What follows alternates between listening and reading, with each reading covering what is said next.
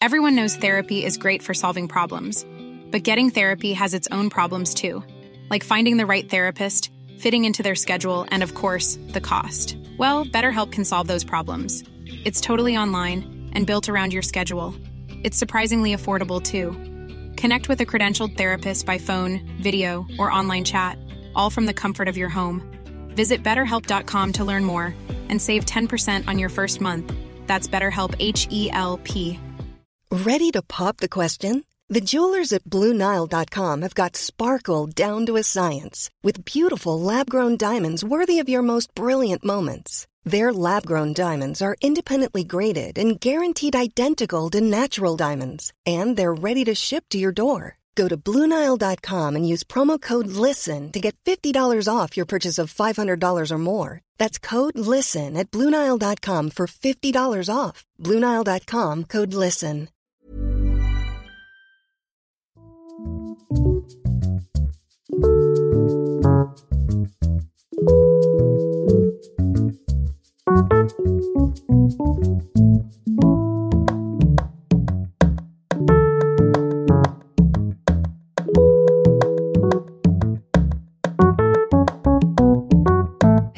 och varmt välkomna till ett nytt avsnitt av Sinnessjukt med mig, den djupt osympatiske Christian Dahlström.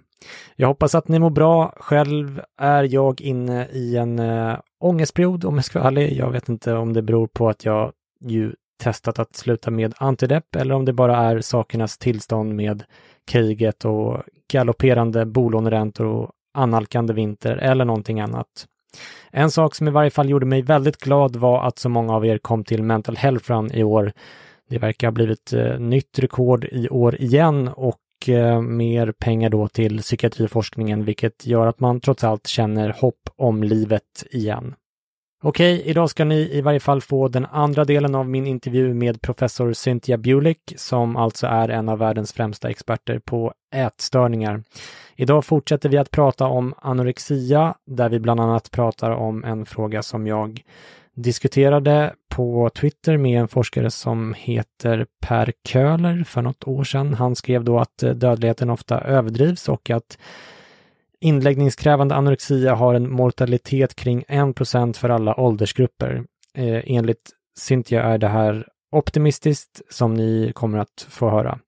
Sen pratar vi i varje fall om eh, bulimi där vi pratar om både grundsymptomen och symptomen bortom diagnoskriterierna. Cynthia berättar vad som skiljer bulimi från anorexia med hetsätning samt hur allvarligt bulimi kan bli.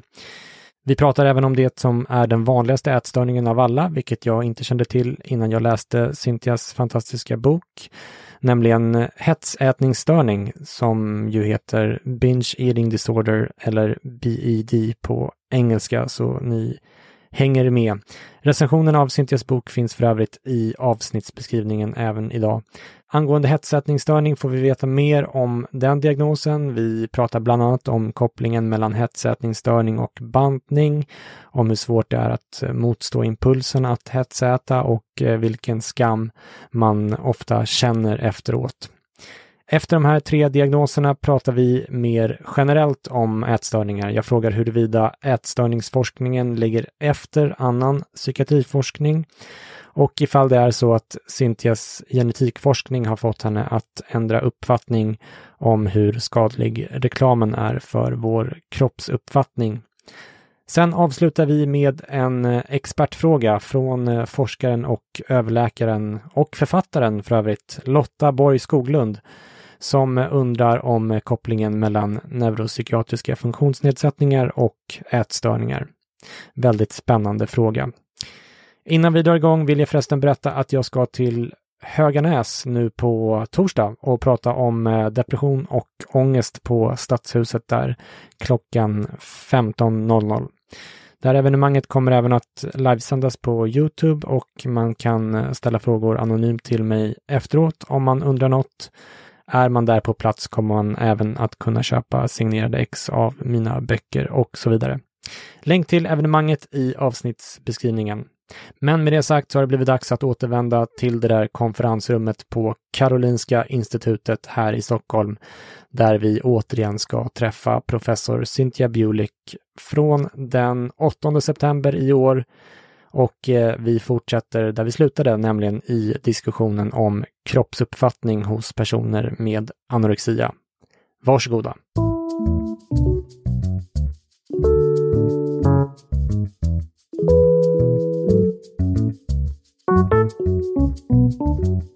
This awareness of how thin you are, can it also kind of come and go? Yeah, that's the, the, I have seen people who have had severe and enduring anorexia nervosa. So maybe they've had the illness for 10, 20 years where their perception of their body becomes more realistic yeah. as they've had the disorder longer. They'll okay. say, I look in the mirror and I see, I know I look like a skeleton, yeah. but I still can't eat. They still can't bring themselves to eat. Okay.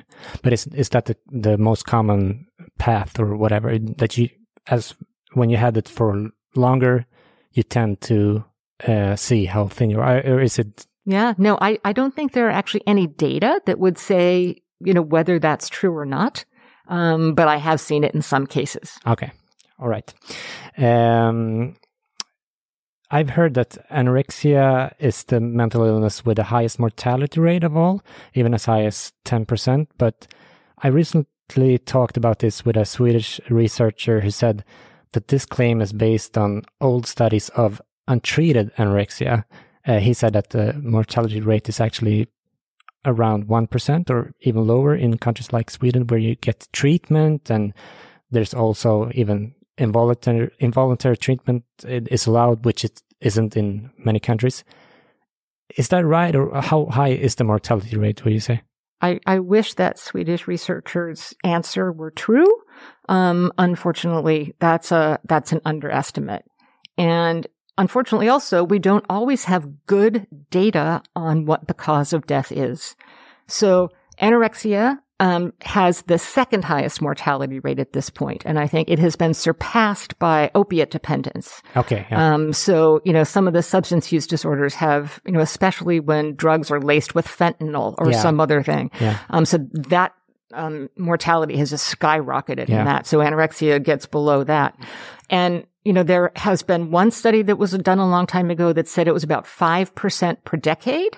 Um, and then you see numbers that go from 1% to 20%. But I think it's safe to take all of the epidemiological data together and say somewhere between 5 and 10%. Okay, that's a lot. That's a lot. Yeah. It's too, there should be zero. Yeah. And, what do they uh, die from? Is it suicide or is it uh, the body collapsing? Yep. It is both of those things. Okay. So the, the two primary causes of death are, you know, when you have the illness, basically every organ gets affected. So your organs just start shutting down. Uh, but then suicide is the second highest cause. And it's interesting because for many parents, especially with this history of blaming anorexia on parenting, they've got so much shame associated with their children having an eating disorder but then having a child suicide carries its own stigma. Yeah. So it's almost like they've got this double stigma and double shame. I've had so many parents that have come to me um, after, years after their child died and said, we never told anybody this before, but she didn't just die. She actually did kill herself. Yeah. And, you know, and then I think talking about that and having other parents talk about it is really helpful yeah. and comforting. Yeah. We'll talk uh, more about anorexia a little later when we talk about treatments, but let's talk a little bit about bulimia first. Uh, can you tell me what the core symptoms of bulimia are really short? Sure. So bulimia is um, marked by two behaviors. Binge eating, like I talked about before, yeah. eating an unusually large amount of food in a short period of time and feeling out of control while you're doing it. There's like no number of calories that call it a binge. It really is that out of control yeah. feeling that we're looking for. And in bulimia, that is coupled with compensatory behaviors, which can be any type of purging behaviors, self-induced vomiting, laxative abuse, exercise, fasting, yeah. for example. Yeah. But, but uh, as you mentioned earlier, there's also a binge eating purging subtype diagnosis of anorexia. What's the difference between that diagnosis and bulimia? So if someone has anorexia nervosa, so they're underweight, they meet criteria for anorexia nervosa and they're binge eating and purging, then they get anorexia binge purge subtype. If they don't have anorexia nervosa, then they go into the bulimia category. It's like anorexia trumps all. Oh, okay, right? okay, okay. Um, as with the anorexia, you write that individuals with the bulimia also often suffer from depression, anxiety, low self-esteem, and so on. Can you tell us a little bit about the symptoms associated with bulimia uh, beyond the diagnostic uh, criteria? Yeah. So, as with anorexia nervosa, we see high rates of anxiety disorders, high rates of depression, and unlike anorexia, we see more substance use disorders in people with bulimia nervosa. So the, the comorbidity or the illnesses yeah. that co-occur with it um, are overlapping on the depression and anxiety side, but are a little different on the substance use side, with more being seen in bulimia nervosa. Yeah, I think you also mentioned like uh, impulse control problems, impaired concentration and and memory and so on. Is that also right? And so that can happen with more severe um, bulimia. And what we're talking about, I mean, the impulse control disorder sort of pull that all together, right? It's a disorder of impulse control. Um, anorexia is almost like over control, uh, and bulimia is intermittent loss of control. Okay. Okay. Uh, you write that the media loves anything with a provoking visual hook, which is why uh, they more often write about anorexia than other eating disorders. But like anorexia, bulimia can be a devastating disorder. Can you tell us just a little bit about the degrees of severity on, sure. bulimia? Sure. And, and you're right. Uh, the, the glamorization of anorexia nervosa, I think, is really quite dangerous.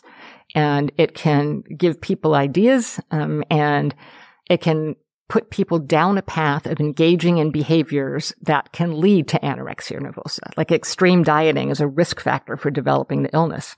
And, you know, the last thing we want people to do is look at a magazine cover, go on a diet, and then, um, you know, really open the door to developing anorexia. Now, in terms of bulimia, back to your question, the severity of bulimia nervosa. So one of the things that is, that can be deadly is purging. Um, laxative abuse, yeah. vomiting can lead to disturbances in your electrolyte levels. And of course, in order for, for, for our hearts to work, for the rest of our organs to work, we have to have our electrolyte levels, sodium, potassium, calcium in balance. And that is one of the number one reasons why um, people with bulimia are at risk for cardiac arrest. Um, so, and that's one of the things that is um, really horrible to see when that happens secondary to bulimia. Also, a lot of gastrointestinal problems with people with bulimia. And, um, I mean, all the way from ruptures of the esophagus and the stomach um, to one of the things that we're very interested in is long-term risk of oral cancers okay. in bulimia nervosa. Because if someone is vomiting a lot, yeah. they constantly have acid in their esophagus and in their mouth. And we know that it erodes the teeth. So dentists can often tell if someone has bulimia and we work with them all the time in terms of them being able to, to help a patient seek treatment um, since they they do have often the first window into the behavior. So you know, really, we're talking about all the healthcare professionals yeah. that can detect and refer eating disorders. Yeah. Life is full of awesome what ifs, and some not so much, like unexpected medical costs. That's why United Healthcare provides Health Protector Guard fixed indemnity insurance plans to supplement your primary plan and help manage out of pocket costs. Learn more at uhone.com. Everyone knows therapy is great for solving problems, but getting therapy has its own problems too, like finding the right therapist, fitting into their schedule, and of course, the cost. Well, BetterHelp can solve those problems. It's totally online and built around your schedule. It's surprisingly affordable too. Connect with a credentialed therapist by phone, video, or online chat, all from the comfort of your home. Visit betterhelp.com to learn more and save 10% on your first month. That's BetterHelp, H E L P. Hiring for your small business? If you're not looking for professionals on LinkedIn, you're looking in the wrong place. That's like looking for your car keys in a fish tank. LinkedIn helps you hire professionals you can't find anywhere else, even those who aren't actively searching for a new job but might be open to the perfect role. In a given month, over 70% of LinkedIn users don't even visit other leading job sites. So start looking in the right place. With LinkedIn, you can hire professionals like a professional. Post your free job on linkedin.com slash people today. This might be a stupid question, but do some patients go back and forth between anorexia and bulimia or being binge eating disorder? That is not a stupid question. Oh, that is a very accurate perception of what happens. In fact, we have this wonderful um, image of bubbles, three different points in time, and it's using the Swedish quality registers for eating disorders. And we look at how the diagnoses change over time. And you can see lines going from one to another across the different bubbles. About 50% of anorexia people with anorexia will transition to bulimia during the course of their illness. There's a lot of back and forth between binge eating disorder and bulimia. You know, so these disorders are both, they're not mutually exclusive. No. Although some people do maintain one symptom profile Yeah, okay. throughout the course of their illness. Okay. Yep. And talking about binge eating disorders, uh, BED seems to be the most common eating disorder, afflicting about 3.5% of women and 2% of men in the United States. But before DSM 5, this was not even a diagnosis. H- how is that possible? Yes. So it's, um, it, it was, it was there. It's been around. It's been talked about since the 1950s. Okay. Um, and it was probably there long before that. Yeah. but it takes a while for a disorder to become official in the diagnostic and statistic man- statistical manual. And that's what we were waiting for. But, you know, the difference between binge eating disorder and bulimia is in binge eating disorder, you have those binges, but in the absence of the compensatory behaviors. So in the absence of purging. So what that also means is that people with binge eating disorder tend to be larger bodied individuals. Not always. Okay. Binge eating disorder can happen if you're normal weight, large, you know, large body. Um, so, but the big distinguishing factor is the presence or absence of purging behaviors. Yeah. Uh, you write that many argue that BED is as much a dieting disorder as it is a binge eating disorder. In what sense? Yeah. So when you go back in time and ask people, what was your first symptom? What was the first disordered behavior that you remember? There's a percentage of people with binge eating disorder who say that they have been ravenous eaters since they were babies. Okay. Um, you know, so really they were binging from Yeah. early on. Yeah. But other people say that dieting has always preceded their binge eating. And the way we think about that is some people will go on a diet and they'll be like, okay, we're done with this. And they'll just go on normally and they'll go back to their normal eating and there will be no change. Other people will go on a diet and that can be the trigger for two different things. On one hand, that diet, if you're genetically predisposed to anorexia nervosa, might open that door toward further restriction Okay. and for ongoing Okay, yeah. restriction. But if you're more genetically prone to binge eating disorder or bulimia, it's that diet that might trigger your body to go in the opposite direction. Okay. And that's when your body's like, you know, after a period of restriction, you just get ravenous and you make up for it. And then you overshoot your satiety level. Okay. So there's like cycles going back yes, and forth. Okay. absolutely. Yeah, uh, just uh, to take a step back to the last question about uh, why the um, BED hasn't become a, a diagnosis uh, until very late. The whole field of research in eating disorders is pretty young, right? Uh, Not Yes. young, but uh, relative to other. Uh, We're uh, behind. areas. I think the way of saying it is we're behind and we've gone down a couple blind alleys. And I think for the longest time, there has been so much research about body image and so much research about the impact of the media on dieting and so much stuff about families and causes. We really missed the boat when it came to figuring out what causes these illnesses. Like when you look at the genetic research that we're doing here in Sweden, we're a good probably 10 to 13 years behind the other major psychiatric disorders like depression and schizophrenia when it comes to really teasing out what the genetic factors are that increase risk.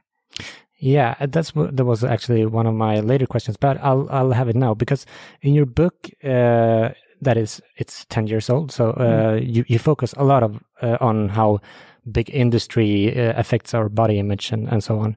But in a more recent interview, you said that uh, we may have overestimated those effects, at least as a cause of anorexia, if I understood you correctly.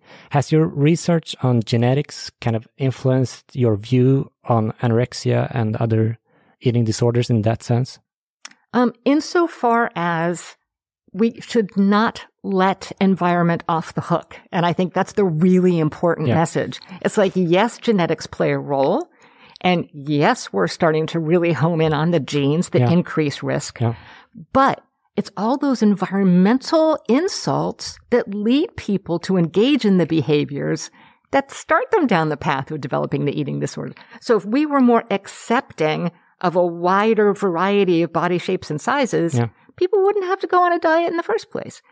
And if big food and beverage weren't trying so hard to get us addicted to their foods so that they can make more yeah. money, then we would be less likely to, uh, to actually find foods that were binge foods. So I'm not going to let them off the hook no, no, at no. all. Um, I'm just looking at how both genes and environment act and co-act to influence risk for eating disorders. Okay. Uh, going back to BED, one of your patients described it like this. I remember with shame having eaten my son's entire birthday cake, all decked out in a Lego theme, before he and his friends got home from school for the party. I had to run to the store and buy a generic undecorated sheet cake just so they uh, would have cake. I have never felt so uh, ashamed. When the urges would come over me, nothing, not even disappointing my son, could stop me. I mean, this this sounds like an incredibly stressful and shameful disorder. Absolutely, and and shame is also something that keeps people from seeking help. We, you know, so often a patient will go to their primary care physician, their family doctor, and say, you know, I think my eating's out of control. And the doctor doesn't understand and will say things like, oh, just cut it out. You're too old for this. Or, um, just eat less or go on a diet. And, you know, just horrible advice that if anything will make it worse. And so it's hard for them to come forward and explain what they're doing. And that story that you just told, yep. I mean, that just devastates people. And that happens all the time. Um, you know, I had an- another patient who she was always in charge on, at her workplace of like cleaning up yeah. um, after parties yeah. or meetings or whatever. And often she would find herself being the last person there. And she was just like eating off of other people's plates yeah. because the drive to eat was just so strong. And then once, once of her co- one of her coworkers stayed late and found her and she was just so ashamed of her own behavior. Um, but, and, you know, that's one of the things that we really have to fight in terms of educating people about what this disorder is, that it isn't just a choice you know, this is a biologically driven behavior and it's nothing to be ashamed about. It's something to be treated. Yeah, sure. I have a question from one of your colleagues, Lotta Borg Skoglund, who says, as a clinical psychiatrist, I meet a lot of children and adults with neurodevelopmental disorders and disorder eating. Specific eating disorders, as well as eating disorder not otherwise specified, is the rule rather than the exception. What would you say distinguishes patients with binge eating problems but few other ADHD traits from those where binge eating is a clear consequence or secondary to the ADHD diagnosis? Okay, this is a big question. Yeah, and we're going to have to go down a couple different paths okay. to answer it. Go on. Um, because there's also another eating disorder in which we're seeing a lot of overlap with neurodevelopmental problems. And that's avoidant restrictive food intake behavior. Ah, now I can't even say avoidant restrictive food intake disorder or ARFID. Yeah, that's her next uh, question after this one. but you, good. I'll, go, I'll pull yeah, them all together. Yeah, okay, great. Okay. So, um, and, and actually, the, the interesting thing about ARFID is the, the psychologists and the psychiatrists are calling it ARFID, but pediatricians tend to call it pediatric feeding disorder. Okay. But we're pretty sure we're both talking about the same thing, but just with a different name. Um, and there we see a lot of kids who are sent to us with ARFID who also have autism. Um, but we also see a lot of children with autism spectrum disorder who have ARFID-like traits.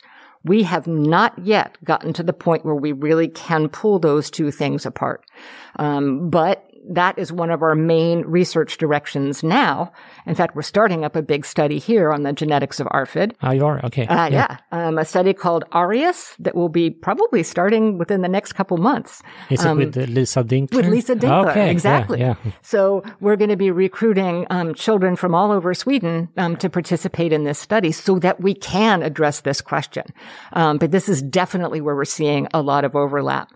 Also with anorexia nervosa, there's a, I would call it a subgroup of people with anorexia nervosa who also have autism spectrum or autistic traits. Um, and then, of course, with the binge eating, um, I think we see a couple different things. You know, on on one hand, we do see children who have primarily ADHD who have some impulsive eating behaviors. There are also some kids with other illnesses like Prader-Willi, where compulsive eating is part of the symptom picture, and there are also ne- neurodevelopmental traits there. So I think the answer to that question is the most important thing is a very careful diagnostic evaluation that has both the psychology psychiatry component, but also the pediatric component and the neurodevelopmental component. Because we don't have a magic way of separating out what is what. Det är väldigt mycket information på kort tid när man talar med en sån otroligt eh, smart och medievan person som Cynthia. Som tur är så kan man ju lyssna på avsnitten hur många gånger man vill ifall man missade något.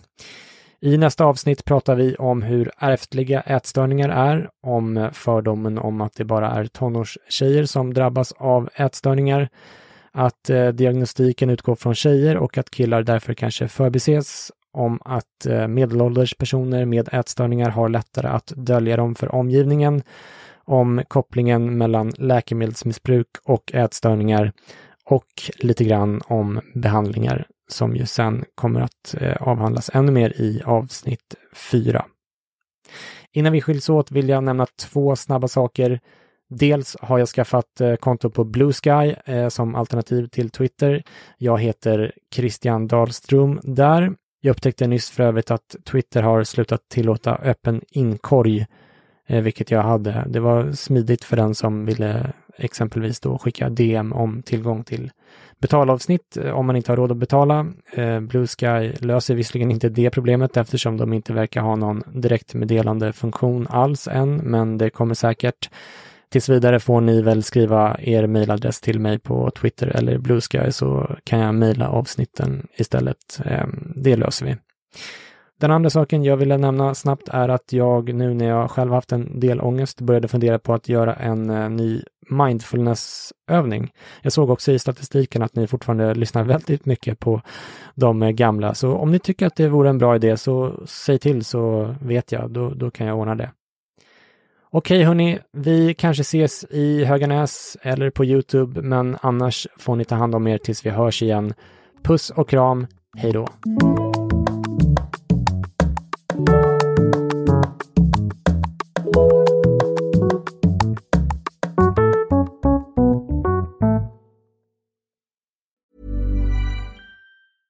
Mom deserves the best, and there's no better place to shop for Mother's Day than Whole Foods Market. They're your destination for unbeatable savings, from premium gifts to show-stopping flowers and irresistible desserts. Start by saving 33% with Prime on all body care and candles. Then get a 15-stem bunch of tulips for just $9.99 each with Prime. Round out Mom's menu with festive rosé, irresistible berry chantilly cake, and more special treats. Come celebrate Mother's Day at Whole Foods Market. When you need mealtime inspiration, it's worth shopping Kroger, where you'll find over 30,000 mouthwatering choices that excite your inner foodie. And no matter what tasty choice you make, you'll enjoy our everyday low prices, plus extra ways to save, like digital coupons worth over $600 each week. You can also save up to $1 off per gallon at the pump with fuel points. More savings and more inspiring flavors make shopping Kroger worth it every time. Kroger, fresh for everyone. Fuel restrictions apply.